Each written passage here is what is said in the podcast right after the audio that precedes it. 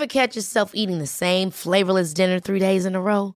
Dreaming of something better? Well, HelloFresh is your guilt-free dream come true, baby. It's me, Gigi Palmer. Let's wake up those taste buds with hot, juicy pecan-crusted chicken or garlic butter shrimp scampi. Mm. Hello Fresh. Stop dreaming of all the delicious possibilities and dig in at HelloFresh.com. Let's get this dinner party started. I'm Sandra, and I'm just the professional your small business was looking for. But you didn't hire me because you didn't use LinkedIn jobs. LinkedIn has professionals you can't find anywhere else, including those who aren't actively looking for a new job but might be open to the perfect role, like me. In a given month, over 70% of LinkedIn users don't visit other leading job sites. So if you're not looking on LinkedIn, you'll miss out on great candidates like Sandra. Start hiring professionals like a professional. Post your free job on linkedin.com/people today. Hej och välkommen till I väntan på katastrofen. En podcast om hemberedskap och att klara sig själv. Jag heter Kalle Zackari Wahlström och med mig har jag som vanligt Patrik Sellman. Hej Patrik. Hej Kalle! Småbru, småbruk handlar det om också Kalle, lite Just grann. just just. Just Lite det. grann bara. Är det att du försöker sätta småbruk som eh, koncept och namn för att du äger domänen småbruk.se? är det varumärkesarbete det här? Nej, det är det inte. Utan, eh, eller ja, det blir det väl egentligen indirekt. Men egentligen så är det så här. Jag vill, ville återetablera det ord- ordet. Jag tycker ju, du vet, det är så mycket amerikanisering och allting. Och man, när folk börjar prata om homesteading, vet du, i Sverige, då... Eh, Då sätter du ner foten. Då sätter jag ner foten. Ja. Så jag gjorde det, jag kommer inte ihåg när det var. 10-12 år sedan kanske. Då började jag jobba med det där med småbruk och, och prata om det för att det är en så stor del av våran kultur också då. Va? Ja. Och det, var, det andra ordet är ju det som är hemställe då. Mitt hemställe. Där jag bor. Det är ju ett annat svenskt ord då som Hemställan. Ja, men det är något annat. Hemställe. Det är ditt Vad är hemställan? hemställan. Det är väl... Eh, exakt vad är det? Du gör en hemställan. Jag kan faktiskt inte svara på det. En formell begäran. Ja. Ett förslag. Eh, här kommer en hemställan. Eh, ska vi prata lite om eh, vad du har gjort i, sen sist Patrik? Ja, det kan vi göra. Jag, jag har eh, bland annat varit på hundutställning i Norge. Har jag varit. Okej. Ja, och det var lite katastrofträning. Åh nej. Ja, men du vet, jo, det, det är ju så här att... Eh, ja, men vi, vi, vi tycker ju våra hundar är så, den här svenska lapphunden är så otroligt bra. Ja. Och det är ju det är en riktig småbrukarhund det. Den är egentligen precis vad som helst. För den är ju en vallhund och är så smart och så. Va? Så att eh, du kan ha den till nästan vad som helst. Men den hjälper ju oss med Ja, dels håller den ju rovdjur borta så länge de är ute. Problemet är ju på nätterna när de är inne då. Va? Men det är allt ifrån skator till allt annat också. va. Så de skyddar ju våra djur här. Men sen tar de ju sorken också. Det är ju bra. Gnagarna, ja alltså du vet vi har så mycket sork här så vi kunde inte odla utan dem egentligen. va. Ja. Vi fick ju ett mellanår med den gamla hunden innan vi skaffade de här. Det var förstört jättemycket. Jaha. Men sen är de ju jättebra. De, de liksom vet ju hur saker ska vara, så de rättar ju till va. Så, så när, när jag har ju inte satt upp det här permanenta stängslet för fåren, utan det är ju ett elnätstängsel uppe. Och är det så vi säger ta in fåren, säger vi, ja då tar de in fåren. Alltså de, ja, de löser ju liksom uppgiften. De är, båda två samarbetar och springer runt och sånt. Och så tar de in, föser de in dem. Underbart. Ja, ja men alltså de är otroliga och så de allra mest kärvänliga hundarna som finns då samtidigt. Så Men hur är de på att åka till Norge då? Ja men alltså du har ju varit här och hälsat på. Du vet ju hur våra hundar har det. De är liksom ute hela dagarna på ett och ett halvt tunnland här. Va? Och Mm. Ja, jobbar de har en och ganska sköter- fri tillvaro. Ja, precis. Och jag har fått reflektera väldigt mycket och även ransaka mig väldigt mycket efter den här helgen kan jag säga. För att ja, men vi tycker ju att våra hundar är så de är väldigt trygga då. Den, den yngre har ju varit lite ungdomligt osäker och sådär kanske. Men, men eh, otroligt eh, bra. Men det är ju här. Du vet, mm. det kommer ju folk på kurser och hundar och hundvalpar och det är så mycket. Men då är de ju alltid på sin plats va. Mm i de värmländska bergen ute i skogarna i glesbygden. och så åker vi, jag visste faktiskt inte att det var så stor. Är det utomhus eller inomhus sa vi när vi kom. Vi som har varit på hundutställningar utomhus i februari i, ja. i Mora. Va? Nej, det är inomhus. Och så var det Oslofjordens konferenssäter eller konferenscenter. Och eh, över 3000 hundar. Du, jag har nog aldrig varit i en så stor lokal i hela mitt liv förut nästan. Vet jag vet inte om det var åtta eller tio basketplaner i en enda yta. Så kommer kan man säga in... att det, även du togs från de värmländska bergen? Ja, det kan man göra! Ja, men, ja, min hustru... Alltså jag har ju varit hos dig. Jag har ju sett hur du lever. Du lever ju en väldigt fri tillvaro i de värmländska bergen. ja, så kan man säga. Jag gör du är ju väldigt trygg med kursdeltagare och hundvalp och så. Men det är ju där. ja, precis. Hos dig. Precis. Men i alla fall då så, vi var och vi hälsade ju på hon som hade fött upp våran första lapphund också. Så det var ju jätteroligt då. Och hon hade två kullar samtidigt nu då. Oj. Ja, men eh, ja, vi satte upp våra burar där och hundarna var minst sagt förvirrade kan jag väl säga. Och du vet, det var ju någon som satt uppe i taket och bara skrek rätt ut va, i högtalarna då. Men det visste ju inte hundarna. Jag såg en gång och så, det var ju inte låg nivå heller va, utan det var ju, alltså, och så tänker du, Ja men alltså jag vet inte om det var tusen människor där i alla fall. För det var ju två dagar då så det var inte alla 3000 hundarna samtidigt. Nej. Men eh, vilket sål i den här lokalen vet du. Och jättehala plastgolv då va, för tassarna.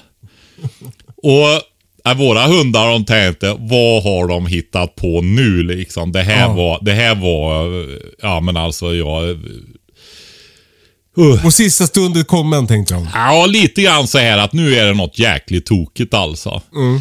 Och sen då, alltså vi skulle ju vara ut nästan först i ringen också på morgonen då. Va? Så att vi hann liksom inte riktigt vänja upp hundarna heller.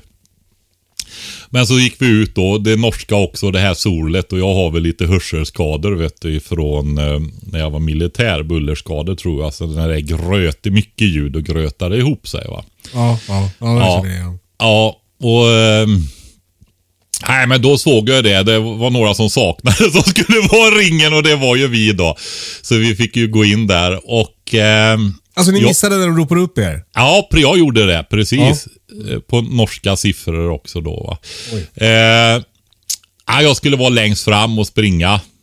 Och du vet hunden den liksom kollar vad är det här nu. Nästan kryper efter golvet vet du. Och svansen mm. hänger och alltihopa det där. Oh, väldigt osäker. På, på helspänn kan man nästan säga va. Oh. Och så säger de att nu ska vi springa runt då. För då, och det var en ganska stor klass också då. Det var många hundar i ringen med.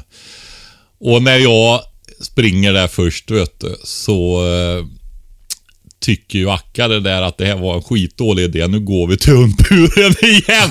och det är ju så när man springer vet du att eh, man har ju dem i vänsterhanden så att de är inåt mitten och springer motsols. Va? Så domaren mm. verkligen ser dem så inte hundägarna är i vägen. Och du vet, då sneddar hon ju framför mig. Bara så här snabbt. Tvärt ska vika av in mot sin egen hundbur och ta skydd där inne vet du. Och jag tänkte det, okej. Okay.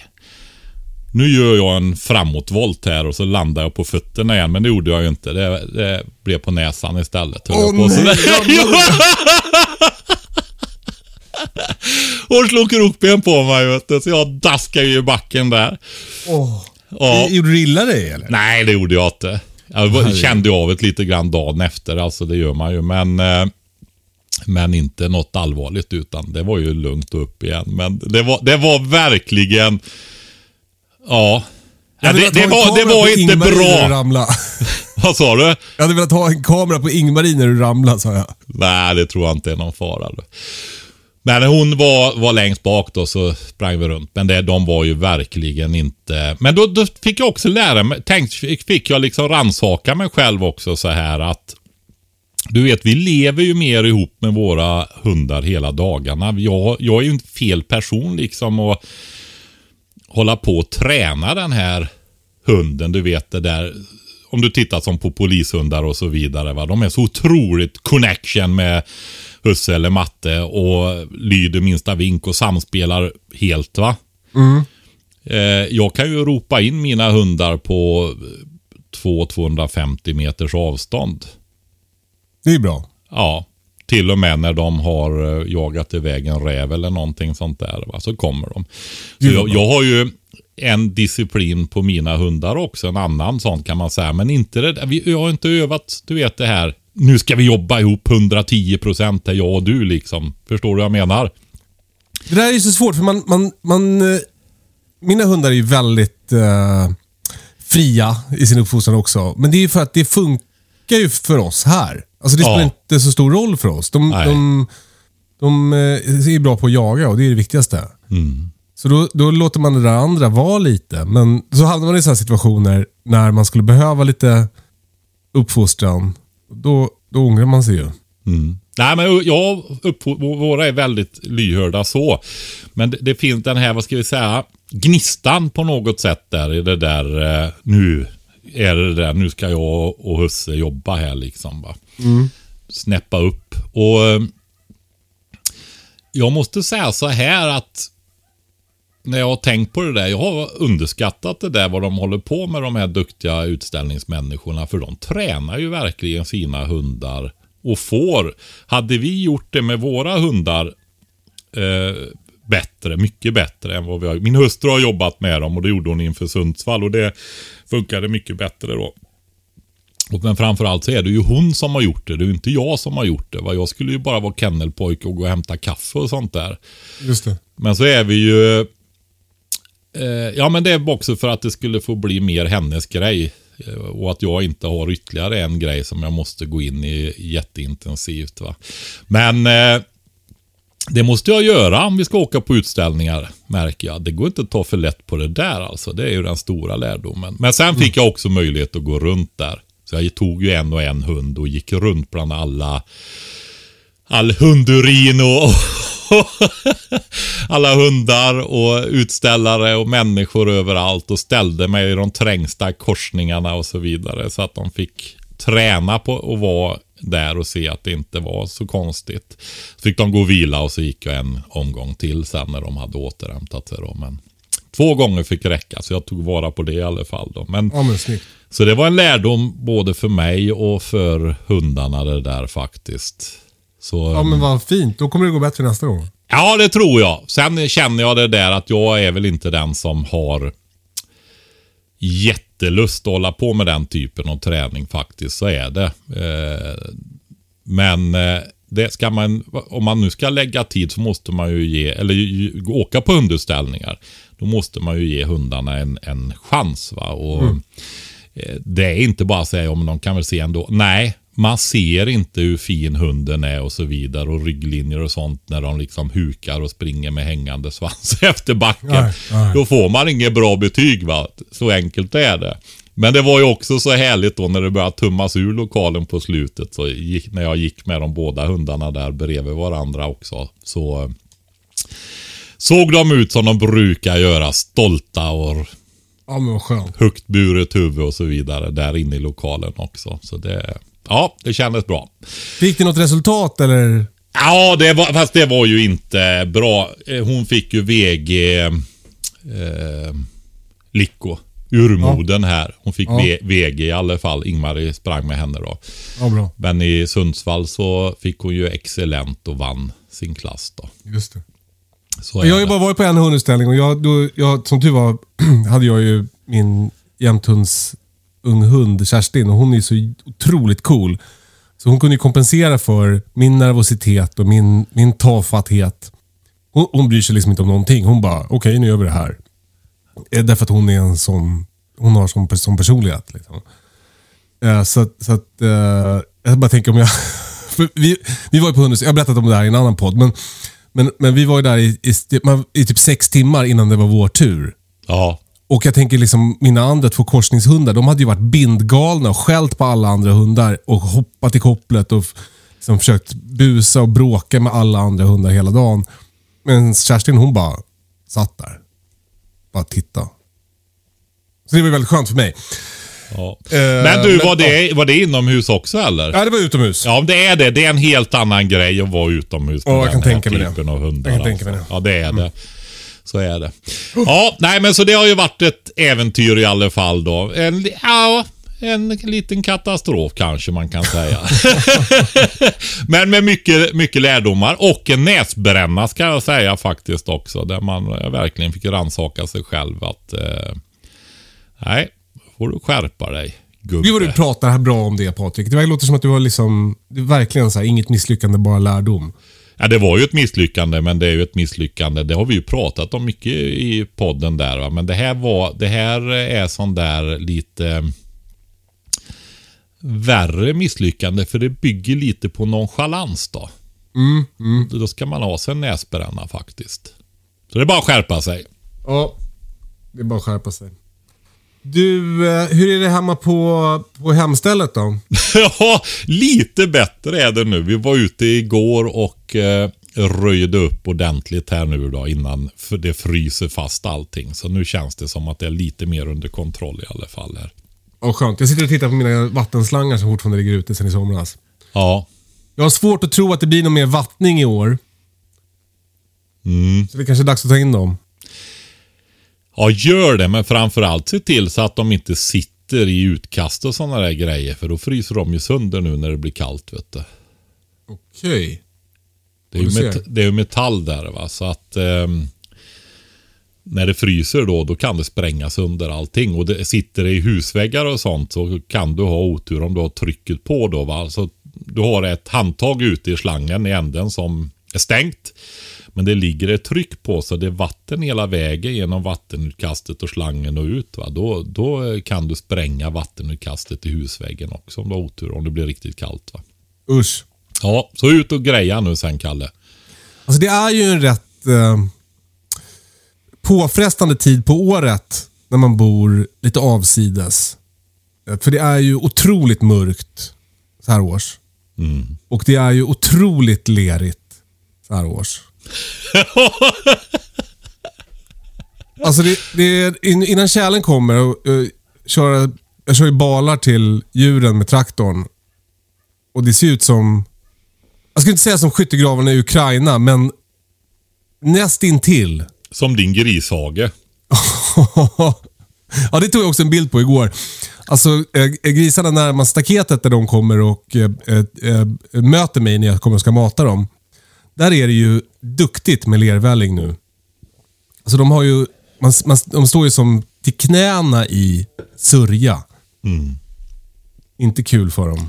Jag tänk, om man ska ha kvar dem över vintern så kan det vara bra att byta hage egentligen innan. Men nu, nu, jag vet, för det är ju, och om när det frös, det fry, blir ju varmare och varmare va. Så när det, det, vi har ju till och med haft ett år utan tjäle här va. För några Ja. år sedan. Och det måste ju vara väldigt unikt på väldigt lång tid om man säger så va.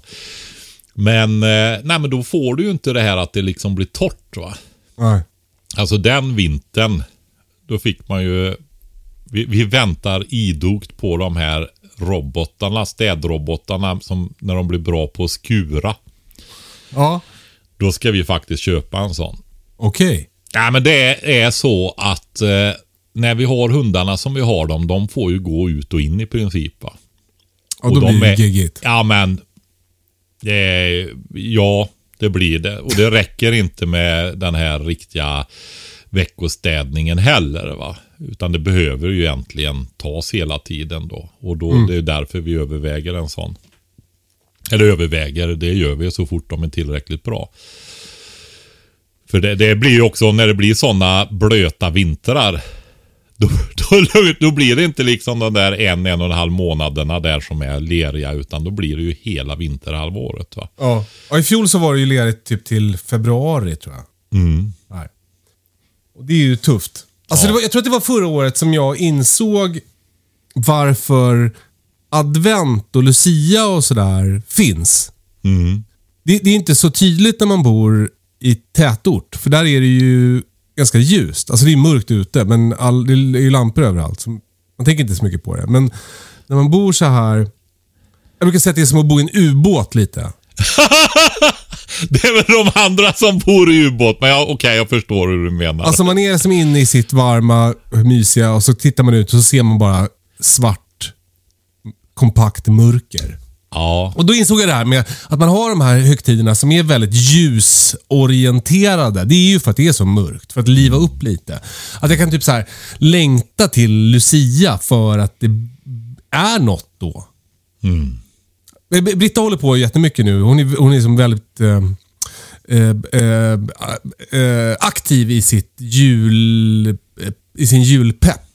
Ja. Så, så nu är det väldigt mycket pepparkakor och det dekoreras pepparkakor och det görs små... Det bakas lussebullar och det lyssnas på julmusik och det tänds ljus. Och, du vet. Och det, men det där... Det känns som att man typ behöver göra det så här års.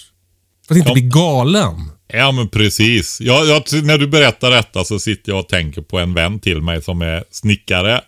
Vi pratade om detta för någon vecka eller två sedan just där. Hur han, han bara satt och väntade på december nu. Han gör men du vet, det är bra att jobba som snickare på sommarhalvåret. Va? Så han tar liksom sin semester i december. Och sen julpysslar han med sin dotter framför allt då, som är 11 år. Han älskar ju detta vet du. Gud vad mysigt. Ja, och det är allting, alltså det är ju 110% all in. på Allting. Och de alltså han bygger ju- väldigt avancerade pepparkakshus. Bland annat, ja precis. Ja. Jättefina grejer va. Och eh, han njuter nog fruktansvärt av detta då. va. Det är tur att man har jaktsäsongen. Som jägare är den här tiden på året helt okej ändå. Eh, för att man har eh, jakten. Det är ju nu man, man framförallt gör det om man jagar med hund. Eh, men om jag inte hade det, då skulle jag fan inte stå ut. Nej, Du, eh, eh, vi har faktiskt fått en fråga till podden om det här med det mentala. ja. Eh, Jag ska spela upp den. Vänta ska du få höra. Halloj och hej på er. Benjamin här, Skåne. Eh, tack för en fantastisk podd. Jag har vandrat igenom alla avsnitt med vild, vild glädje. Jag funderar på en sak. Hur tar ni hand om er mental hälsa? Vad gör ni när det blir tufft på gården och när allt går åt skogen? Eh, för jag tänker så här att det spelar ingen roll hur många liter sminkolja man har, hur många ton mjöl man har hemma. Om man mår dåligt, då kommer man inte kunna fungera under eh, i en krissituation. Tack för det och hej. Underbar fråga Benjamin. Tack för den. Vad säger du Patrik? Ja, Ja, jag hamnar väl liksom i eh, två tankar gjorde jag faktiskt när jag hörde den då. Eller tre egentligen. Den ena, det var väldigt tufft. Det var en skåning som ringde in trots att du har varit så hård med dem, med dialekten. Det tyckte jag var tufft gjort. Det var den ena. Har jag varit hård mot skåningar? Ja, det, du har pratat om radioröster och då sågar du Ja, ja, ja. ja, ja. helt. ja förlåt för det. Det var ju Ja, onödigt. de, Plocka ringer, de, de, de är inte så känsliga alla. Nej. Så de ringer in ändå. Vad bra. Nej, men jag tänker på, eftersom jag själv har varit riktigt dålig. Det har jag ju berättat om i ett avsnitt. Eh, när jag jobbade med de här ungdomarna och hade familjehem och de dog och massa annat också. Så det, ja, då blev det ju för mycket. va. Men då var jag ju också sjuk. Och då är det liksom inte bara, det är det där klassiska att vadå skärp dig. Där, är, där tar du tid att läka igen. Va? Så det är en sak. Men det andra är det här med livet som går. Var just det här att det inte alltid är så roligt. Jag skulle säga det mer normala. Det gick, som, när, när det inte är, är, ja det är ju en definitionsfråga det här med sjukdom och så, men vi kan säga det när det tillhör det normala. Alltså det är ju normalt att inte må så himla bra jämt. Det är ju liksom en, en villfarelse det här liksom att gå omkring och vara lycklig hela tiden, annars är du misslyckad. det, Det, så det, det är ju inte så. Då, då har man kommit till fel plats liksom. Eh, utan det varierar och det är inte så farligt. Tänker jag faktiskt. Måste inte vara perfekt hela tiden. Men det där känns som en, en tanke som är lättare att hålla när det ändå känns okej. Tycker jag. Ja, men alltså det kan väl vara sämre än okej också. Det kan ju hända tråkigheter i livet och sorg och allt möjligt så här va. Och då får det väl vara så. Eh, Det är ju också en del av livet. Det är fortfarande normalt. Alltså så som livet är. Så jag... När, när man blir sjuk då är det, är det riktigt tufft. va. Så är det ju. Och då är det ju väldigt bra om man har människor runt omkring sig alltså. Oh, jag får, får över mig det här med att vi har så många som lever ensamma. Och det kan ju vara bekvämt och så vidare men då är man ju också väldigt ensam oftast när det kniper. va. För det- då är det inte bra att vara ensam alltså. Ja, men det är lätt att tro. Alltså för, jag tror att jag, jag har nog lätt att tänka så här. Att jag, att jag liksom inte orkar med människor när jag har det tufft. Så är det lätt, känns det spontant typ lättare för mig att kavla upp ärmarna och reda ut det på egen hand utan att behöva att det känns som en börda att behöva liksom hantera andra människor eller berätta vad som har hänt eller be om hjälp. Att det liksom också, det sociala också blir sten på börda om du fattar vad jag menar. Vad Att jag tänker liksom- kan du, ja, är det mer praktiska grejer du tänker på som är bekymmer då? Eller vad? Nej, nej, det kan vara vad som helst. Alltså, ja, men det var, jag hade någon sån där, det var ganska nyligen, nu höll jag på och byggde på ankhuset här och så så ringde Britta, jag stod på en stege och så hamnade vi i någon slags tjafs. Hon tyckte att jag skulle göra någonting som jag... ja, En konflikt som hon hade. Jag skulle hjälpa till, hjälpa henne där. Så kände jag att jag inte kunde det och så kände jag, då kände hon sig liksom ensam i det och så kände jag mig ensam i att jag höll på stå på en steg och byggde ett ankhus. Och samtidigt rymde fåren. Typ. och då, det är nästan alltid då liksom, när fåren rymmer som jag, då när jag tänker så här, nej nu tappar jag förståndet. Alltså nu, Ja. Alltså nu skjuter jag fåren. Alltså, ja, ja du vet. Och Ja. att i det läget då liksom be om, om... Min farsa var här dessutom och frågade så här, kan jag göra någonting? Och då typ brann jag av på honom istället för att be om hjälp. För att jag... Då passade jag då på att ta liksom så här... Eh, första för första gången typ försöka göra upp med honom om hur det var när jag var liten. Och så, alltså riktigt idiotiskt var det. ja, det var lite korkat. Exakt, att dra igång det också istället för att säga så här. Ja, hjälp mig att fånga fåren. Så blev jag liksom förbannad på honom. Så jag fick liksom dels bråk med Britta, dels bråk med fåren, dels bråk med min farsa. Samtidigt. Ja, det var, Men- det var lite oklokt om man säger så. Ja men exakt, men då, det, det är det jag menar. Liksom, det- Jag menar att det är en, det är liksom inte en, en vettig inställning det där att inte be om hjälp. Men, men jag har som ett motstånd i att be om hjälp. För att jag tycker liksom att det också blir en jobbig grej. Alltså det sociala blir en jobbig grej. Och det, jag- det där försöker jag liksom träna bort. Jag har... Ja, förlåt, du håller på att säga någonting. Men nu, nu jag har liksom hela mitt liv, jag har liksom aldrig hela mitt liv typ, så här, pratat med mina kompisar om hur det känns i mig eller hur, det, hur jag mår på riktigt. Eller när det är något som inte är bra framförallt. När det, när det, när det är bra, då, då har jag varit duktig på att prata om det. Men när det inte har varit bra, då har jag liksom hållit det för mig själv. Och, Men och, är det, är det på något sätt det där som jag försöker emotsäga då liksom det här att du tänker att när du inte mår bra så eh, är det något att skämmas för någonting som är eh, onormalt eller vad man ska säga. Att det inte är... Eh, förstår du vad jag menar? Jag, alltså jag, förstår den, jag förstår den tanken och jag tror att det kanske stämmer till viss del. Men det som känns starkast, det som känns liksom slår an mest i mig är den där känslan av att jag liksom inte orkar hålla på.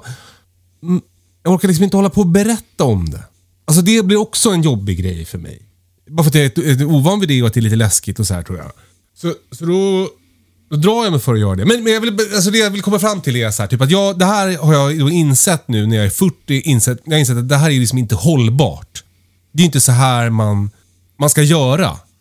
Eh, för att må bättre eller lösa sina problem. Jag, jag, jag, jag, jag, det var faktiskt i somras som jag som det här gick upp för mig så tydligt. För då hade vi haft 40-årsfest för Britta och så var det en massa människor som såg kvar.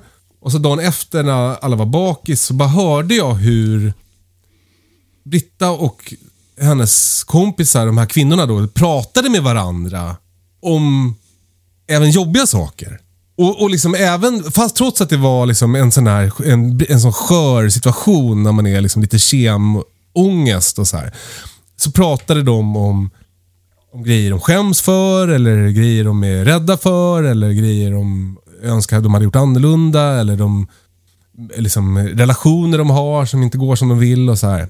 Och då bara tänkte jag så här, fan det är, jag blir så jävla avundsjuk på den grejen. Att ha det så. För jag har aldrig gjort det. Jag har liksom aldrig pratat med mina kompisar om hur jag har det i min relation. Utan jag har istället eller jag kanske har pratat liksom lite så här ytligt om hur jag har det i min relation. Men jag har aldrig pratat på riktigt om hur jag har det i min relation. Eller hur jag har det som förälder. Eller som hur jag har det... hur Jag hade det med min ursprungsfamilj när jag var liten. Och så här. Jag har liksom aldrig pratat med någon om det. Mm. Jag tänker faktiskt ett par grejer där.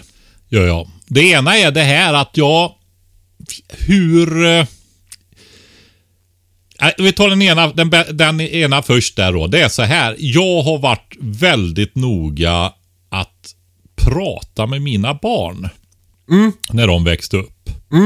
Om saker, sådana här saker. Och varför folk, varför lärare gör som de gör och så vidare. Alltså på det här med beteenden, känslor och sådana saker. Ja. Och det har jag gjort dels för att de ska förstå sådana här saker. Men också kanske mest av allt för att de ska få ett språk. Och jag hade ju hjälp av att jag jobbade på den här arbetsplatsen. När mina barn var i låg och mellanstadiet. Den här arbetsplatsen med de här högstadieeleverna som hade farit illa kan man säga då. Va? Just det. Så jag var ju van att prata om sådana saker via Ja, för det där jobbet. måste man ju ha de verktygen för att det ska Ja, ja, ja, ja, ja, ja. Och du måste... Alltså ska du kunna möta dem i komplicerade situationer, kanske med våld inblandat och sånt också, och hot och sådana där grejer, så behöver du liksom nästan, ja du behöver någon form, vad kallar man introspektion liksom till inåt. Du måste kunna se saker hos dig själv för att förstå, förstå andra. Va? Men, men framförallt är det det här att kunna få ett språk att prata om det. För annars kan du inte det. Nej. Eh, Så det är jätteviktigt att prata med sina barn. Jag blir, blir förskräckt när jag hör statistik över hur eh, många familjer det är som inte pratar med var barnen, alltså med föräldrar och barn med varandra på riktigt om man säger så då. In, inte vad det ska bli till middag utan om livet höll jag på att säga då istället. Va? Det är den ena saken. Men sen den andra grejen som jag har. Det handlar om, alltså det är ju en balansgång där. Men jag är väldigt sådär att jag stöter på det ibland folk som pratar jättemycket om sina hustrur och livskamrater och så vidare. Va? Och jag tänker att det där kan bli för mycket också. Alltså, man lämnar inte ut sin livskamrat hur som helst till andra. Det är Nej. jätteviktigt. Alltså man har en form av integritet där. Alltså, Det känns ibland som... Ja, men alltså det, det är det där med lagom. Eh, behöver man prata om någonting och har en nära vän så kan man ju resonera eh, med dem om det. Det bästa är ju om det skulle kunna vara en förälder till exempel. Va? Men det är ju inte alltid det är så nu för tiden. Eh, vi har ju inte haft tid med varandra riktigt i några generationer kan man väl säga. Många. Det är ju så. Alla ska förverkliga sig själva och hålla på med så mycket roliga grejer och arbetsplatser hejvilt och alla är på olika ställen och sådär. Ja. Men i alla fall, eh, alltså det är en balansgång det där tycker jag som är jätteviktig. Eh, det, det där att sitta och pladdra hejvilt om allting med vem som helst, eh, helt integritetslöst och lämna ut sin väldigt nära uppgifter om sina närmaste. Ja, varför jag är så tydlig med det här lite grann, det är därför jag har ju haft familjehem. Och då blir det väldigt tydligt det där. Därför, du har ju liksom olika integritetszoner. Det är integritet, jag hör det själv nu, det här att det, har, det är... Eh, många reagerar negativt på det idag med, för alla pratar om den där integriteten hela tiden. Men det är också ett viktigt begrepp. Det är faktiskt det. Det handlar också på något sätt om sundhet. Va? Men eh, där lagom är väldigt bra. Då är det ju så här att då kommer det ju en annan människa in i din familj. Och har du barn då så kommer de också in i deras barndom, i deras hem, deras tryggaste punkt. va. Just det. Och det är liksom så här också att en familj är en plats där man liksom inte alltid måste vara på topp. Där man Nej. kan om, om den är en frisk familj så kan man ju vara trygg där och man blir förlåten och alltihopa det här. Va? Och man får liksom falla va. För det har ju Ja. ups and downs i livet och man är inte alltid perfekt va. Nej. Men då får du in en annan människa där och inte nog med det. Du får ju in föräldrar som eh, ja, via det här barnet eller ungdomen då, va, som kanske inte är tipptopp. Eh, och sen får du in massa social folk också i din familj i det här va. Du tar ju bort den här biten då. Förstår du vad jag menar? Jag förstår. Ja, så är det. Och därför så är det så här att man ska inte behöva vara på tå hela tiden i sin familj för att man riskerar att bli utlämnad heller. Va? Blo- blottlagd och sådär. Så att det är en balansgång alltså. Så de två sakerna. Det här att man måste ha ett språk så man kan prata om saker men man också har väldig respekt för för eh, familjen då va och de som är där att de måste kunna vara avslappnade och trygga och ja, så. Ever catch yourself eating the same flavorless dinner three days in a row? Dreaming of something better? Well, HelloFresh is your guilt-free dream come true, baby. It's me, Gigi Palmer. Let's wake up those taste buds with hot, juicy pecan-crusted chicken or garlic butter shrimp scampi. Mm. Hello Fresh. Stop dreaming of all the delicious possibilities and dig in at HelloFresh.com. Let's get this dinner party started. I'm Sandra, and I'm just the professional your small business was looking for. But you didn't hire me because you didn't use LinkedIn jobs. LinkedIn has professionals you can't find anywhere else, including those who aren't actively looking for a new job but might be open to the perfect role, like me. In a given month, over 70% of LinkedIn users don't visit other leading job sites. So if you're not looking on LinkedIn, you'll miss out on great candidates like Sandra. Start hiring professionals like a professional. Post your free job on linkedin.com/people today. Life is full of awesome what ifs, and some not so much, like unexpected medical costs. That's why United Healthcare provides Health Protector Guard fixed indemnity insurance plans to supplement your primary plan and help manage out of pocket costs. Learn more at uh1.com. Men just det där att ge barnet ett språk, ba- barnen språk det, det tänker jag att jag, det fick jag aldrig lära mig. Så Nej, det, men- det försöker jag lära mina barn. Och Ja. det, den, det, mest ty, det tydligaste exemplet som väl alla föräldrar nu för tiden kan, det är det där, man säger inte, när barnet ramlar säger man inte det gick bra, utan man säger hur gick det? Eh, Därför att då, då får man barnet att känna efter och så, istället för att och, och, och, eh, inte låtsas om barnets känslor.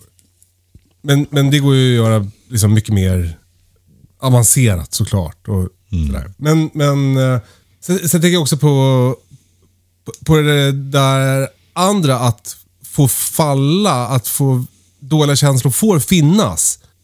Är ju otroligt viktigt. Eh, när, när barn växer upp. Och också att, att föräldrarnas dåliga känslor får finnas. Att föräldrar får göra fel.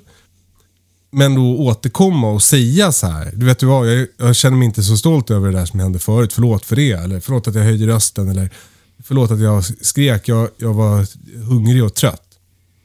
Så att, så att man dels visar barnen att det är okej att känna de där grejerna och okej att göra fel. Men också så att barnet får lära känna en som människa. För om man hela tiden som förälder försöker dölja att man är ledsen eller att man bråkar med sin partner eller så här, då, då är det ju som att barnen inte får lära känna hela, hela sin förälder. Och, och, och det, det, det tror jag är, är farligt. Ja. Nej men så är det. Men jag, jag tänker så här när barn är riktigt små. eh, Någonstans e- egentligen småbarnsåren där 0 till 4 eller någonting. Då tänker jag faktiskt att jag har den här känslan av att där är det så mycket som händer med barnen så de ska vara lite fredade i den åldern faktiskt. Eh, Just det här att eh, världen är god. Det, det är tankning de, de här, ri- riktigt så här god kärleksfull tankning de första åren. Men sen är det där som du säger, det får faktiskt också någonting som blev tydligt och konkret. Alltså det, allting var så på den här arbetsplatsen som jag nämner ganska ofta där jag fick lära mig så oerhört mycket av de här ungdomarna då. Va? Det blev ju ytterligheter hela tiden och då tydliggörs ju saker. Va? Eh, och jag jobbade ju där i sex år. Och ja, men liksom Det går ju upp och ner och man är inte alltid på topp och så vidare. Och det är dag ut och dag in, vecka ut och vecka in. Va? I en, en ganska extrem miljö då. Och eh, det som blev efter ett tag som man märkte det var det där att man kunde vara trygg när man var tvungen att verkligen reagera snabbt och så vidare. Så gjorde man ju ofta det bättre eftersom man hade hittat en trygghet i att om det blev fel så var inte det hela världen. Nej. Därför att det berodde på vad man gjorde efteråt. Just det. Det kunde Att man till och kan med återkomma. Liksom. Ja, men precis. Hur man får, det kan till och med bli någonting som blev väldigt bra Ja. efteråt. Va? Och, men då var det ju också så här att man jobbade fyra stycken tillsammans som var väldigt kompetenta personer då. Va?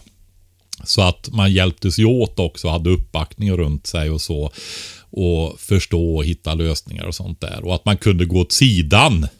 Eh, Jag menar, eh, även om man är väldigt stabil som vuxen så kan man ju hamna i bli jädrigt upprörd rent ut sagt. Va? Hamna i affekt. Va? Och då är man flera, då kan man ju gå åt sidan. Ehm, och så får man reda ut det sen när allt har lugnat ner sig. Va? Och det där blev ju oftast, eller alltid ska jag säga, väldigt bra.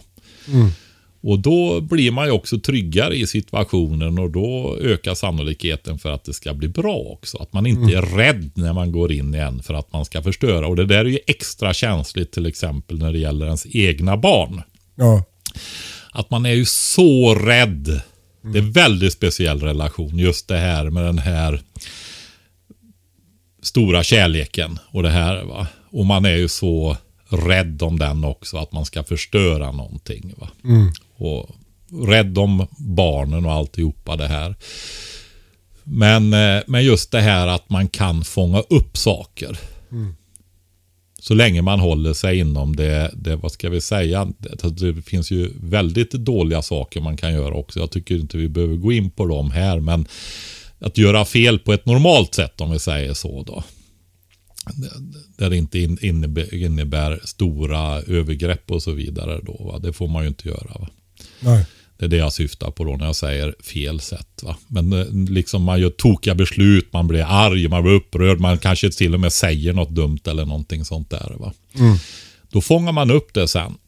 Och då blir det någonting bra av det istället. Eh, jag bara, eh, eh, liksom, frågan var ju så här, vad vi gör för att ta hand om vår psykiska hälsa. Och En grej som jag då har gjort sen i somras när jag insåg det här, att jag, att jag helt saknar bollplank i de här svåra frågorna. Det, alltså jag, jag, går, jag har gått i terapi i alla år. Det, det har funkat jättebra. Det jag har gjort i 15 år säkert. Regelbundet. Och det, det tycker jag verkligen att alla ska göra. Alltså man ska, det är som att ha en PT för huvudet lite. Men, men jag insåg liksom att, att en terapeut kan inte fylla det där tomrummet som, som eh, Britta och hennes kompisar då fyller genom att prata med varandra. Så att jag har då startat en, eh, en, en mansgrupp för mig och mina polare. Så vi ses en gång varannan vecka i två timmar och pratar om vad som helst. Men jättemycket om Eh, eh, papparollen och mansrollen. Det är jättefint. Och det är ganska, jag, jag ska dit idag. Det är alltid som så här, eh, lite blandade känslor att åka dit. För det, det är också ganska tufft såklart. Alltså det, eh, för framförallt när, när, när livet rullar på.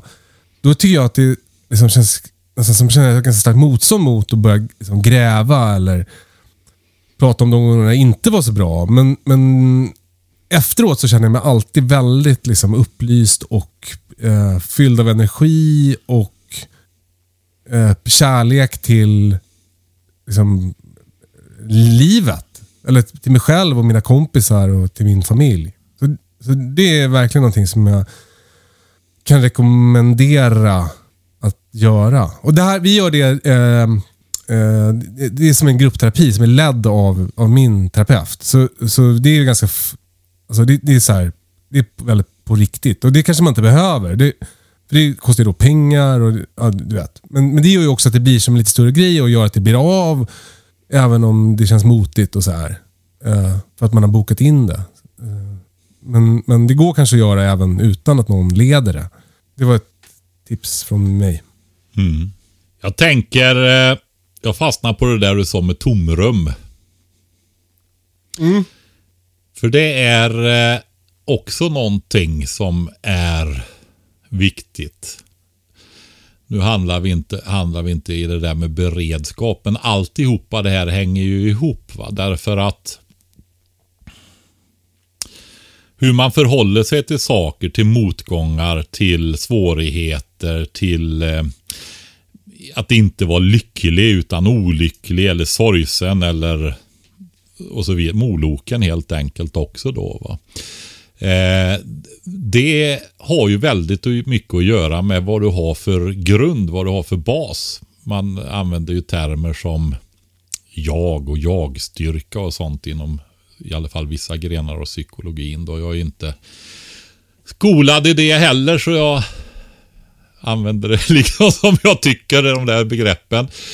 Men det jag skulle vilja säga med tomrum där är att det är ett viktigt eh, område faktiskt. Därför jag tror att det där ställer till väldigt, väldigt mycket. Hur då? Ja, men det är framförallt i relationer, i, i livskamratsrelationer framförallt. Va? Därför att det, det är också sånt där som jag lärde mig av ungdomarna här också då. Och av mig själv självklart också då. Det, det är, man själv är ju alltid inblandad i det där lärandet. Det är ju...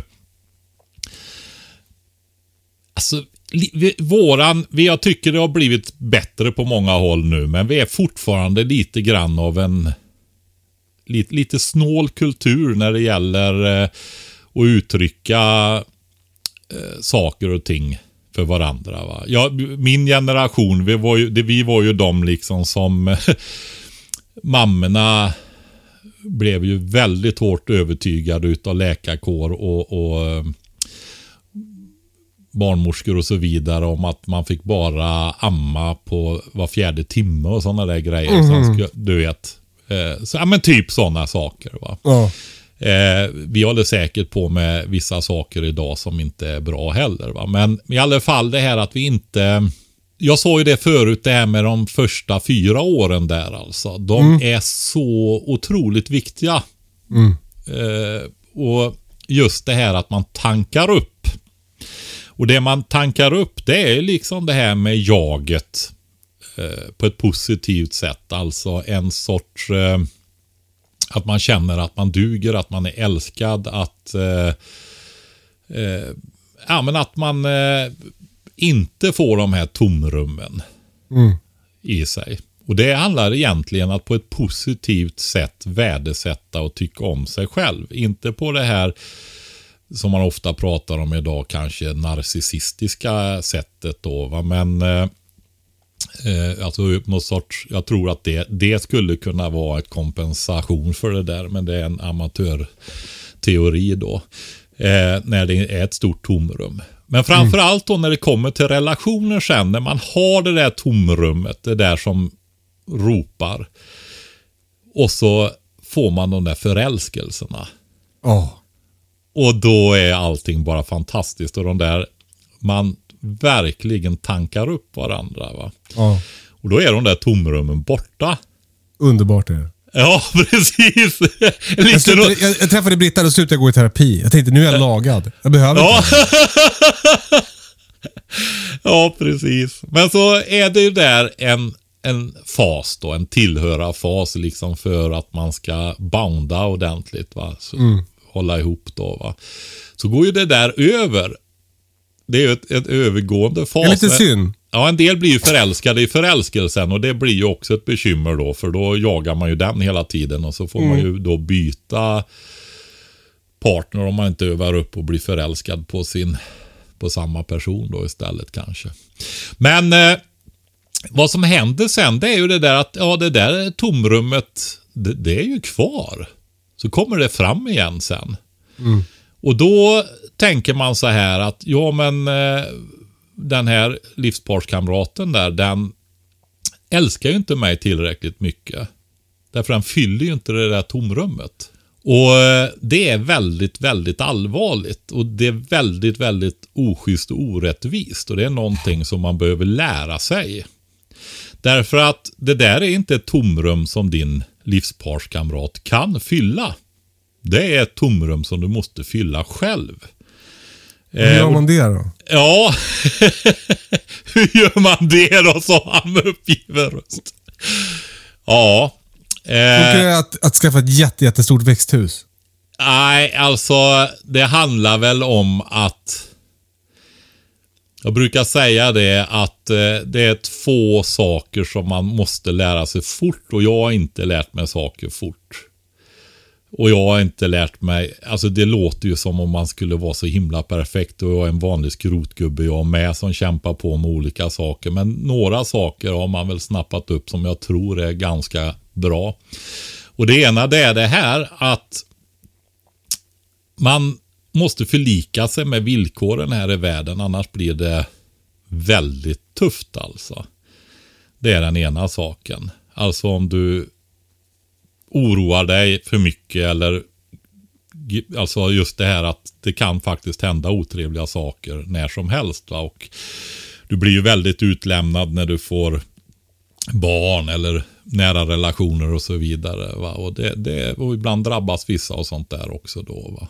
Man måste liksom ändå Gilla land... läget, lösa uppgiften? Nej, ja det låter lite tufft va. För att det är ju, ibland är det också så att man bara får åka med va. Men ändå det här att man inte baxnar och liksom går under över villkoren som är här. Utan att man förlikar sig med dem helt enkelt. Den andra saken det är den faktiskt att man måste börja tycka om sig själv också acceptera sig själv. Och jag, jag, försöker göra det genom att ha lite distans till, till sig själv då. Va? Och det har ju blivit, jag har blivit bättre. Jag är, inte, jag är verkligen inte jättenöjd med mig själv heller. Men samtidigt så tillåter man sig att inte vara superperfekt, även om man försöker bli bättre. Jag tycker det är en, en viktig strävan att, att utvecklas och försöka bli bättre. Så betyder inte det att du måste vara missnöjd med dig själv hela tiden, utan att det är att du är ute på en spännande resa snarare. Va? Eh, Ja, men jag tycker det är paradoxen lite i det här, eh, om jag bara får flika in. Det, det är ju att, att det där att eh, liksom, älska sig själv och, och acceptera sig själv och världen och så här. Att det kommer kanske ifrån att du börjar uppmärksamma lite mer när du... Jag ska prata om mig själv istället. Jag ska, att jag börjar uppmärksamma lite mer när jag, när jag inte gör så bra. mm, Men att det är helt okej. Alltså att jag är sann mot mig själv och tänker så här, nej. Det håller Britta, Britta på mig jättemycket om det där. Att jag, ska, att jag ska vara bättre på att säga så här, nu vet du vad, nu fuckade jag upp. Det där var inte bra alls. Det där, nu gjorde jag jättedumt. För att det är liksom den typen av... Jag menar att vara sann mot sig själv gör också att man, att man kan älska sig själv. Ja, men precis. Och att man inte har, att man eh, förstår att, att det inte är perfekt. Va? Och det måste inte vara perfekt för att man ska älska sig själv och så vidare. Va? Och att det är, ja, jag tycker det, det är lite grann är ett svar på hans fråga där också. va. Just det här att, nej men det får vara tungt ibland. Och accepterar man saker Eh, inte det där att man bara sjunker djupt in i och mår dåligt, utan mer att, ja, man rider ut stormen då, så får det väl vara så här en period. va. Ja, men typ, alltså, alltså, eh, mina barn vill inte äta vildsvinsfalukorv. Och jag kan, antingen kan jag välja att hålla på och gräva ner mig i det, eller så kan jag bara tänka så här, ja, ja, ja. Då, det, alltså, det är som det. Den är inte lika god. Nej. Nej men precis, det där var ju, tycker jag faktiskt, ett väldigt eh, jordnära eh, och konkret exempel. För, och det är just det där att många gånger så är det ju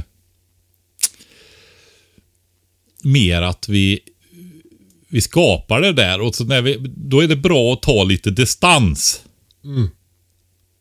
Och ska jag vara ärlig och säga saker så är det ju så här att när jag var dålig, eh, då är, då det är ju också ett tecken på att det blev för mycket. Men det blev, berodde ju också på att jag var ju inte bra på att hantera allt som hände heller. Va? Ibland hände så mycket så att, så att man verkligen inte kan greja det. Va? Men också det där att man faktiskt får rannsaka sig själv. Då. Jag var ju tvungen att lära mig saker och förstå saker där för att komma vidare. Det gick ju inte att ha det så. Va?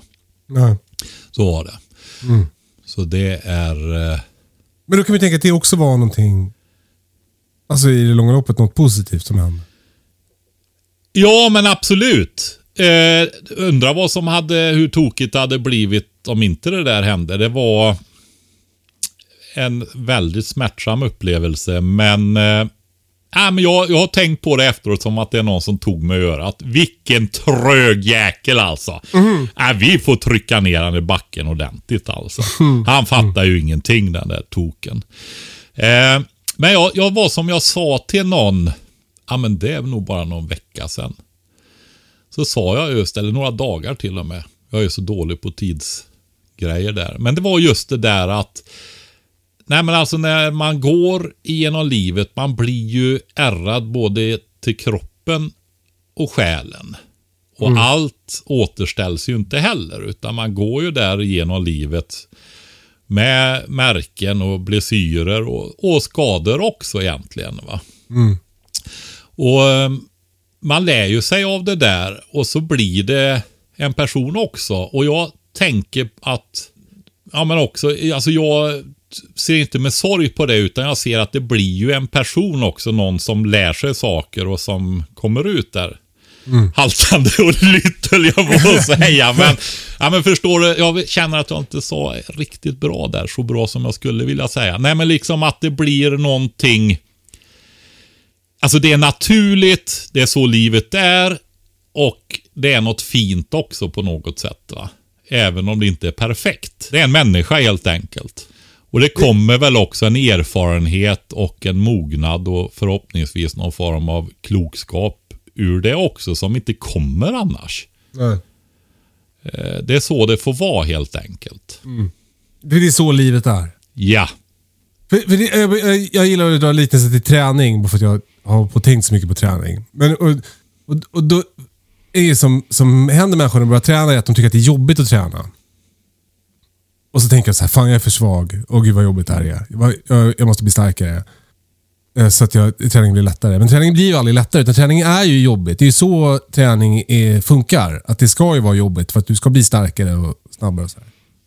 Och, och Om man liksom kommer på det där att när man har mjölksyra och svårt att andas och känns som man ska spy. Att det är så det är så det ska kännas när man tränar. Det är så liksom, framgång i träning känns. Ja.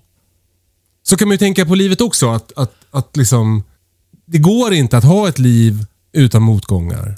Ett, ett liv med motgångar är... Det är så det ska vara. Ja. Och, och har du inte motgångar så är det något som är fel. Då, då, då lyfter du för, för lätt. Då tränar du för fjösigt. Då kommer du liksom aldrig att få några resultat. Nej, men det där, det, nu, det där var bra, för det tänker jag direkt på någonting som vi har pratat om, tror jag, flera gånger i podden också. Det där att våga exponera sig, att våga leva, att våga misslyckas. Att ta en fetsmäll. Eh, Vi är givetvis olika rustade för det, men det är också att faktiskt, för jag tänker att rädsla vi har ju våra rädslor allihopa och en del har mer och sådär. Att man inte vågar göra saker för man är så rädd för känslorna som omger misslyckandet. Som på hundutställningar till exempel. Ja, ja men exakt. ja men så är det va. Men det är bara att rannsaka sig, ta lärdom, bita i det sura äpplet och se att nej, här har jag varit för dålig. Va? Eh, men att våga exponera sig där, att våga misslyckas. Eh, vi har också varit inne på det när vi pratar om det här med djuren. Att eh, inte, när man har det här småskaliga småbrukandet och vill producera eget kött, egna fina livsmedel, förädla dem och verkligen ta vara på dem och så vidare. Att man ändå inte objektifierar djuren eh, bara för att, utan att man har bra relation med djuren och eh, verkligen tar vara på det. Och ändå klarar av det där och tar det där jobbiga sen med avlivandet. Vilket man i och för sig också lär sig och vänjer sig vid. Va? Men eh, att man inte fegar ur helt enkelt.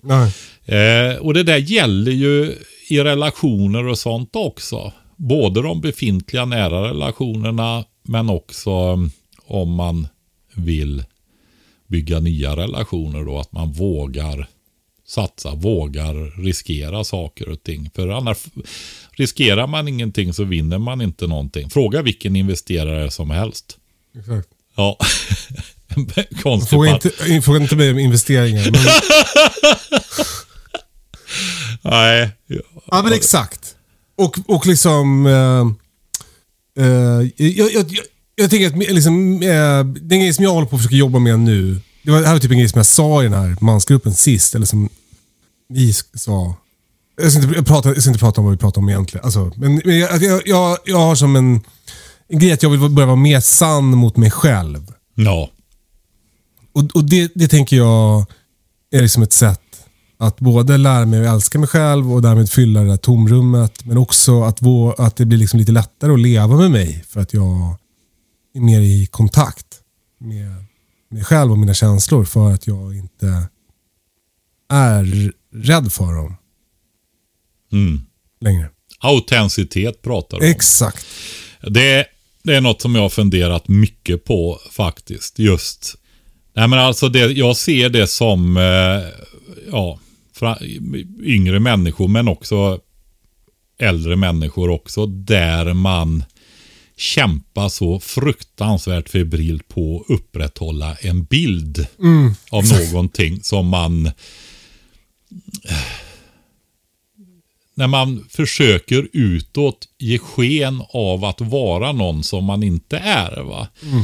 Och eh, signalera saker och så vidare. Och så ska man försöka leva upp till den där bilden då. Och så ljuger man hela tiden. Ja. Och klarar aldrig av att leva upp till den heller. Det där är ju inget lyckat koncept alltså. Nej. Det är Ja, inte då det. blir man olycklig. Ja. Eh, men sen. Jag tror också att det finns sådana här bitar i det där att eh, klara av saker bra. Det är faktiskt att eh, ja, men jag har ju sagt det, vi, det var ju bara, var det förra eller förrförra just det där så sa det att eh, jag klämde ju i med det där att bli inte chockad nu Kalle, men alla människor är onda. Eh, och det lite besviken är jag inte på att inte någon har frågat om det där ordentligt. För jag hade hoppats att jag skulle kunna få följa upp det. Det var liksom en öppning för det. Men jag får väl göra det ändå. Ja, men grej, Grejen är det att, att eh, vi har ju givetvis både gott och ont i oss. Och vi kan välja. Vi har en fri vilja. Och det är inte alltid så lätt att avgöra vilket som är vilket heller. Då, va? Men om man eh, tänker på att man faktiskt kan vara ond även om man inte tänker på det eller medvetet och så vidare utan bara vara det och sen istället väljer att sträva efter att vara kärleksfull, omtänksam och så vidare mot människor runt omkring sig så mycket som möjligt. Jag tror att det är någonting som är jätteviktigt. Alltså, det, det är svårare i Stockholm. Jag märker ju när jag åker dit va, och man går på gatorna. När det är jättemycket folk så bara går man ju fram. va. Men så ibland så kommer man till en liten gata och går där och så möter man någon enstaka och då gör man ju som man gör här hemma i Gräsmark liksom då att ja, då tittar man på varandra och så säger man hej. Ja. Och så blir de livrädda. Ska han anfalla mig nu eller? Ja. Ja. Nej, men att man försöker vara generös i möten med människor och Ja. sådana saker. Va? Inte någon krypande mes menar jag inte på något sätt, utan att man är värdig i liksom verkligen, inte, ett, en, inte bedjande klia och klappa på min rygg. Snäll va, du vet en sån där hu- hund som kommer liksom sådär va, utan en, en, en som verkligen försöker vara det va? På, ett, på ett riktigt sätt. Sånt tror jag också att man... Det gör ju också att du skapar någonting som är värdefullt. Alltså också det här med att hjälpa och tjäna andra att göra någonting som är viktigt för andra människor. Det tror jag också är ett bra sätt. Till slut så utmynnar det här i att för att bygga en bra beredskap på det här området så skapa ett bra liv. Ha meningsfulla, bra grejer och det är ofta synonymt med att inte bara roa sig själv. Eh, utan att det har ett större syfte som är viktigt för fler människor. Att tjäna andra alltså. Eh, och att bygga många, eller många, men att bygga nära och kärleksfulla och bra relationer. Jag tycker det är så starkt det där med att liksom, ingen tänker att den är ond. Alltså det kanske, kanske är nyttigt för folk att tänka, alltså kanske är nyttigt för mig att tänka så här. Tänk om jag är, tänk om jag är en av de onda. Och, så, och då istället liksom ge mig fan på att inte vara det. Ja, men det är exakt så du ska göra, Kalle. Du är ett jävla monster. Men du är ett jädra monster som ska välja att vara kärleksfull, omtänksam, tjänande. Det är jätteviktigt. För a, a, grejen är... Grejen är det, det är jätteviktigt att förstå att det är den stora grejen. va. För eh, annars så står man där sen va. Med den goda avsikten. Ja. Och eh, alla bedrö alla de här hemskheterna som vi har hört, framförallt under 1900-talet som låg oss nära. Det, det var ju, de var så goda så de hade rätt att vara onda helt enkelt. De hade så goda avsikter. De ville nå det där utopiska goda. Va? Och så blev det massmord istället. Va? Jag gick till ytterligheten där nu och det finns ju även i det lilla då att det blir tokigt. Va? Man måste försöka sträva efter det helt enkelt. Va? Så är det, det är jätteviktigt. Jag, jag vill säga en grej till som, som har med liksom hur jag har, har, har, tar hand om min psykiska hälsa. Eh, just som kopplar an, slår an till det här med beredskap och småbrukarlivet och så här. Det är ju att Att just när det känns övermäktigt, och det här går ju att översätta på alla situationer, var man än befinner sig i livet. När, när det känns som att det är för mycket. Att det kan vara ett träningspass. Vi tar ett träningspass för att det är enkelt och, och liksom avgränsat. Det är ett träningspass som känns alldeles för jobbigt. Men det är bara, alltså det är bara man, bör, bör, man börjar äta högen med bajs. Liksom. Det, det, hur äter man en hög med bajs? Jo, en, en sked i taget. Och att man bara börjar göra att typ, om jag plockar in en vattenslang idag så kommer jag vara igång. Och då känns det inte längre oöverstigligt. Utan då, då har jag liksom har gjort en tredjedel av det jobbet. Ja. Och då blir det mycket lättare nästa gång. Vilken så, härlig känsla det där är. Eller det, hur? Ja, det är underbart faktiskt. Att när man för det åt rätt håll, va, så Ja. är det. Men jag, jag vill säga också sådana här, ska vi säga, enkel grej. Alltså för mig. Det är faktiskt, och det, det ser jag nu, för jag känner att eh, nej, men både min fysiska och mentala kondition är på nedåtgående. Ja. Och det har ju också med att jag har jobbat väldigt hårt på sommaren och jag har jättemycket människor och det är, det är väldigt mycket, vad ska jag säga, kärlek i luften och så. Va? Många människor som verkligen tycker om och är tillsammans. Det blir en stor upplevelse för alla. Och sen är det bara tvärnit på hösten. Va? Det är, eh, och tomt. och just när du åker iväg och börjar jobba så sitter man här. Ja, eh, och så ska man jobba i det där. Va? Det som är en av framgångsfaktorerna där för mig. Det är faktiskt... Alkohol. Nej, jag skojar. Nej, det är väldigt farligt. Ja. Det är det faktiskt. Ja, det var ett skämt. Ja, eh, ja, det, ja, det var... Men det är faktiskt att träna. Ja. Alltså, det är oerhört positivt för både och alltså. Alltså det är så enkelt och jordnära och konkret. Så hitta en träningsform. Och jag... Min, min erfarenhet är, när jag är ju 57 nu. Och det som jag har märkt att jag mår bra av, det är faktiskt ehm, att köra kortare och intensivare pass alltså. Inte som du, för det blir för mycket för mig. Du har ju det här att liksom, om man inte spyr efter träningen, då har det varit ett löst pass liksom. ja, men lite åt det hållet är det. Jag tror inte du spyr varje gång, men det är inte långt ifrån. Ja, men det där är också, jag, jag, jag ska ärligt snabb, jag körde ett pass innan det här nu. Det var jättelänge sedan jag tränade. Jag kände att jag nu måste jag göra någonting. Och då kändes det ruggigt att gå ut i gymmet, så då körde jag bara lite armhävningar och upphopp och sånt där på, i vardagsrummet. Och det var ju inte ett, det var inte ett hårt pass på något Nej, sätt. men normalt sett, du, du har det där att det ska verkligen kännas. Du har ju mycket det i dig. Det har jag ju förstått och sett. Jo, men så är det. Så är det ju. Eh, men däremot så, så eh, att det ska vara tunga pass liksom. Jag kör, jag kör, jag kör gärna med eh, skivstång alltså. Och roddmaskin. Och sen och tre pass i veckan när man är lite äldre kanske lagom så att inte kroppen blir överstressad. Nej. Eh, upp till fyra kanske. Men eh, sen kan man ju då, i mitt fall så blir det väl mer eh, arbete.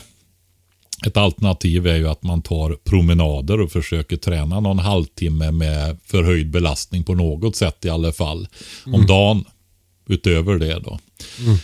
Eh, jag kan säga när jag var, hade den där tyngsta perioden i livet då. Så eh, lärde jag mig några saker. Det ena var faktiskt att om jag gick ut utomhus före klockan 10 på morgonen och tog en promenad så att jag dels att jag fick frisk luft och eh, solljuset på mig. Så blev det en bra dag. Om jag inte gjorde det så blev det inte en bra dag. Eh, och samtidigt så var det det här att då fick jag igång det här med eh, vaken och sö- sömnhormonerna på det sättet också på ett bra sätt. Va? Just det. Så det var väldigt, väldigt, väldigt bra. Och det har också det där med att Ja, du sa ta en bit i taget, att börja någonstans. Va? För är du så så får du liksom komma upp någon nivå så blir det oerhört, oerhört mycket bättre om du är väldigt långt nere. Va? Så är det. Och det där hjälper otroligt mycket. Så det är det någon som lyssnar här och inte är och sen när jag är värre däran så är det ett väldigt bra konkret tips. Det andra är faktiskt att jag märkte när man inte är på topp så är det också svårt att sköta det här med att äta ordentligt och sådana. Alltså på topp när man mår jävligt dåligt ska vi säga istället. Just det, ja, bra. Då, då äh, äter man kanske inte jättebra heller. Så det jag också gjorde där det var att ta ett, ett äh, bättre kvalitets äh, kosttillskott. Ett brett med både vitaminer och mineraler. Mm. Och det har jag märkt sen, eh, genom åren sen efteråt också. Framförallt i det här november och det här när det börjar bli mörkt och sådär och det inte är jätteroligt. Så mår jag bättre utav att ta ett kosttillskott också då. Mm. Så att det fyller, och, och, jag vet och, inte vad det är som brister eller vad det är, men då täcker jag upp det så blir det lättare. Ja, det, där kan ju folk bli så här, att Livsmedelsverket säger att om man äter en varierad kost så behöver man inte äta kosttillskott. Nej, äter du perfekt så behöver du inte göra det. Ja, Missköter ja. du det så det, kan det vara väldigt bra. Så är men, det. Men om vi ska sammanfatta eh, som ett svar till Benjamin så är, eh, då gör jag ett försök och då är det så här. Eh, eh, var eh, eh sann mot dig själv. Ja, autentisk. autentisk eh, eh, acceptera att livet har toppar och dalar. Eh, gör saker, utmana dig själv, prata med människor runt omkring dig och träna. Ja, jag tänker bygg ett bra liv. Ja, bra. Bygg ett Just bra det. liv också. Alltså, vi har ju tagit mycket av de bitarna som vi tror är bra byggstenar i det bygget. Det kommer jag ihåg så jävla starkt från när, när vi gjorde extra avsnitt för när, när Ryssland gick in i Ukraina. Ja. Att folk, människor var rädda och oroliga och så här. Ja. Och då, då sa du just det där. Det man kan göra är att skapa ett bra liv. Ja. Och det är lite sådär nu när vi kör den här podden med det här perspektivet, med beredskapsperspektivet. Det är ju liksom det som är det vi ska göra. Så jag är, känner ibland det där, alltså jag vill ju verkligen att folk ska höja sin beredskap på alla plan. Idag har vi pratat om det mentala planet och det kanske vi har gjort för lite. Vi har gjort det till och från.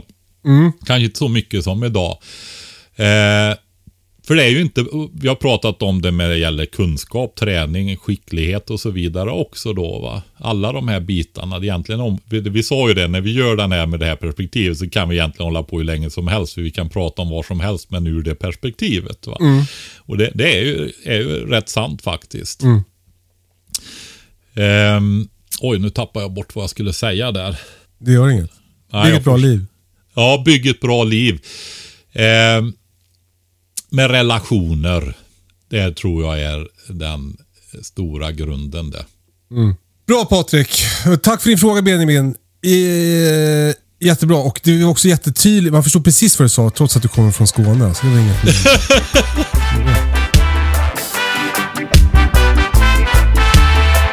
eh, eh, innan vi slutar Patrik så har vi några eh, eh sponsormeddelanden. Just det. Eh, vi har ju bland annat ett samarbete med jordnära.se. Mm. Eh, och de... Vad var det där? Du hade något? Det ena är ju det här att vi har fixat ett, eh, en kampanj. Jag hörde av mig. Jag började få frågor om plantuppdragning och så ifrån småbrukare. Alltså sådana som gått mina kurser och sådär. Mm. Eftersom vi hade börjat med jordnära där då så ringde jag upp. Jag har sett att de har ett väldigt fint utbud på Ja, med odlingstråg, krukor, underbevattningstråg, eh, ebb och flodbord, massa sådana här grejer. va. Mm. För fönsterodlingar också med multiplugg och sånt där. Och då, då gjorde de en kampanj med 10% på krukor och odlingstråg kategorin och multiplugbrätten. Då. De står ju som kategorier i menyn där. Och där, där är det eh, kupongkoden är katastrofen med små bokstäver då. Den kampanjen pågår ända fram till nyår. Det, det är liksom hög tid nu att skaffa alla grejer du behöver för nästa odlingssäsong. För i, i senast i januari drar det igång. Då ska ju Ja. chilin ner. Men jag vill också poängtera så här. Är du den som ska börja så, eh, alltså, och har knaper ekonomi och så vidare. Behöver absolut inte ha sådana här grejer. Det går att sitta och klippa mjölkkartonger, äggkartonger, små brätten. Du kan göra egna brätten av eh, spillvirke. Eh, alltså trälådor och så vidare. Det går, går att göra jättemycket enkla grejer. Däremot så tänker jag så här om du är i kategorin liksom att nej, nu håller det på att gå åt helvete här. Va? Det blir matkris och alltihopa det här. Nu ska jag verkligen göra slag i den där gamla drömmen och köra mer storskaligt. Eh, ja, men då är det här otroligt bra grejer för att få system i. Att kunna dra upp planter i större mängd och sådana saker. Va? Det underlättar mycket, men absolut inte nödvändigt. Jag står ju och visar upp olika sådana här system på småbrukarkurserna. Eh, men säger samtidigt så här att är det den där apokalypsen att det här blir stopp, det kommer inga fler grejer. Och de här grejerna nöts ut, går sönder. De håller ju bara ett visst tag ändå va? och beroende på kvalitet.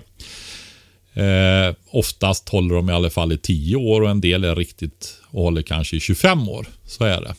Men, eh, nej, men då är det ju det där som de gjorde förr när de drog upp planter. Att man jobbade med eh, vanlig radsådd i kallbänkar. Och innan dess så gjorde man sådana här små trälådor som man fyllde med såjord och plantjord och sånt och drog upp sina planter i. Va? Så att det, då bygger man upp ett gäng sådana och har det som system istället.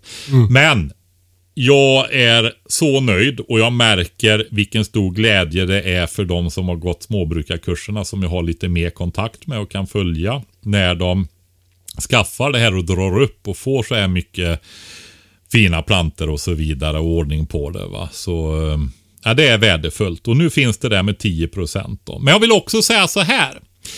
Eh, jordnära då, vi pratade ju om växthusen här för ett tag sedan. Eh, och eh, det går inte att få någon kampanj på växthusen därför att eh, nej, de är redan offensivt prissatta som man säger. Alltså det är små marginaler på dem så det finns inte utrymme för några kampanjer där. Men däremot så blir det på sätt och vis en kampanj ändå.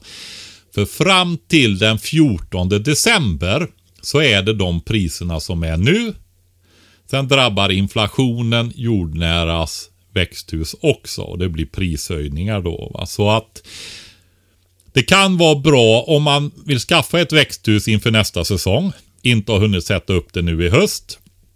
Eh, så det är klart tidigt på våren. Men istället har man sparat eh, plasten en vinter. Allt har för och nackdelar. Så kan det vara bra att köpa ett växthus nu då innan den 14 december om man har bestämt sig för att göra eller bestämmer sig för att göra det. Och det är ju så också att eh, du får skruva ihop det här. Och det kan vara bra att ha det som vintersysselsättning i garaget eller ladan eller någonting sånt där va. Så, så är det klart till våren så går det snabbt att sätta upp det. Så det är inte så tokigt. 14 december fram till dess så är det de priserna som står. Sen blir det en prishöjning på växthusen. Då. Bra! Jordnära.se. Och sen eh, har vi också nyheter från Prepbox.se som ju är vårt eget varumärke där vi säljer katastrofmat. Eh, eh, vi har ju eh, lanserat flera nya produkter på, nu på slutet. Dels så eh, lanserade vi eh, Prepbox 48 timmar. En, en liten variant av, av vår låda med färre rätter. Eh, Det är eh, mat för en person i 48 timmar. Perfekt för din evakueringsväska. Eller eh, ha på jobbet, eller ha i, i bilen, eller i sommarstugan, eller i båten eller vad det nu är. Eh, sen har vi också lanserat den ultimata Prepbox-produkten skulle jag vilja säga. Nämligen Prepbox 25 år. Som är stora gedigna guldburkar med frystorkad mat. Eh, en burk rymmer ungefär 20 rätter. Och Den här maten håller alltså i 25 år. Så det är verkligen så här, köp nu och ställ dem någonstans och glöm bort dem. Så har du ditt på det torra hehe, i 25 år framåt. Och säkert ännu längre. De kommer säkert att hålla i 50 år, men, men det kan bara garanteras 25 års hållbarhet. Och Vi lanserade de här på, på hemsidan och de tog slut direkt. Eh, vi hade underskattat lite efterfrågan. Eh, ja, det kan man väl säga. Vad tog de inte slut första eller andra dagen? Eller Ja, jag tror första kvällen tog de Första slut. kvällen, ja. Vi jobbar på, på att få fram fler sådana här eh, eh, guldburkar. Eh, och Om du är sugen på att verkligen bygga upp ett eh, beredskapslager hemma, så gå in på prepbox.se och skriv in din mailadress så kommer du få ett mail så fort Prepbox 25 finns i lager igen. Så blir du en av de som kan köpa det. Eh, Ja, det känns jävla skönt med den här produkten tycker jag. Det är alltid skavt lite. De, alltså den, den stora prepboxen är ju en underbar produkt också. Men, men den har ju, även om den har väldigt lång hållbarhet, så har den ju en begränsad eh, hållbarhet. Tre år tror jag. Så Nej, de här, jag, ja, men det, det är ju så. Jag tycker de kompletterar varandra väldigt bra de här produkterna. Vi kan ju säga 48 timmars och sen är det Prepbox original då som är 12 dagar för en person kan man säga. Eller tre dagar, 72 timmar för två vuxna och två barn. Eller fyra personer då kan man säga. Och sen har vi den här långlagringen som vi kan kalla pensionsförsäkring. Om inte annat. exakt. Ja, men, men det är så här att eh, och sen eh, 48 timmars där, den är ju perfekt om du vill prova på och se om de här eh, mjukkonserverna är någonting för dig. Det är också perfekt därför att det ryms inom avdragsrätten som företagsjulklapp. Just det. Och sen är det lagom om du vill på ett, eh, ett prisvärt sätt skaffa till din hemgångsväska eller evakueringsväska och sådana saker. Om du är ensam då. Och Sen har vi den där grejen som vi inte pratar så mycket om. Men det finns ju inget billigare sätt att köpa sådana här rätter. Som du ska fjällvandra eller jaga eller vad det än är. Så, ja, då är det prepbox.se som gäller. Ja, men jag kan väl säga så här, jag tycker prepboxen är eh, originalprepboxen är jättebra. Det är så när det gäller de här hållbarhetstiderna på de här produkterna. Det gäller även 25-åringen där. Det är ju de där de garanterar en viss nivå utav ursprunglig smak och konsistens. Alltså upplevelse av ätandet och närings och energiinnehåll. Det är ju inte så att det blir giftigt efter eh, 25 dagar och en, eh, 25 år och en dag. Va? Utan, eh, och det är samma med mjukkonserven också. Så eh, de håller längre. Men prepboxen tycker jag, det är så pass mycket mat i den. Eh, så där är också så här att det är bra om man ändå omsätter den. Tycker jag. Eh, använder den här, alltså antingen när man åker ut och fiskar eller åker ut och kampar eller ute med båten. Alltså att man provar att använda den och tillaga den efterhand också och så sen förnyar man det här. va eh, efterhand också. Så eh, där är ju den perfekt. För jag, jag måste säga att jag tycker ju att mjukkonserverna är godare än de frystorkade. Ja, men den är tu, de är tusen gånger godare. Ja, visst är det så? Ja, ja, ja. Alltså de, de är ju godast... Nu blir det så krängigt igen, men de, de är så goda så att jag, jag, jag skulle säga att det är ju det är ju liksom nödmat även i sådana liksom nödsituationer som är typ, du kommer hem sent från jobbet och Ja, har ingen precis! mat hemma. För det är liksom, det är god mat. Ja, det är det. Det är Sen det. är de olika goda och de olika rätterna och det beror på vad man har för smak själv och så här. Men, men eh, jag tycker de är skitgoda faktiskt. Ja, eh, det var det. Eh, Jordnära.se, prepbox.se. Ja, jag har inget mer. Fortsätt skicka frågor. Hej att katastrofen.se är mejladressen. Ljudfrågor är toppen. Tack för det Benjamin. Oj. Vi Va? skulle, vi skulle ju ta massa frågor vi hade fått. Jag har sett att vi har hållit på i en och en halv timme, Kalle. Ja, vi ska sluta nu Patrik. Ja, då får vi ta det där med de där 25-årsfrågorna nästa avsnitt. Vi får göra det. De har ställt en väldig massa frågor vi skulle ha tagit idag. Hörni, tack för att ni lyssnar och eh, ta hand om varandra och se till att öka er och eh, andras beredskap. Så hörs vi om en vecka. Puss och kram! Hej då! Hej då!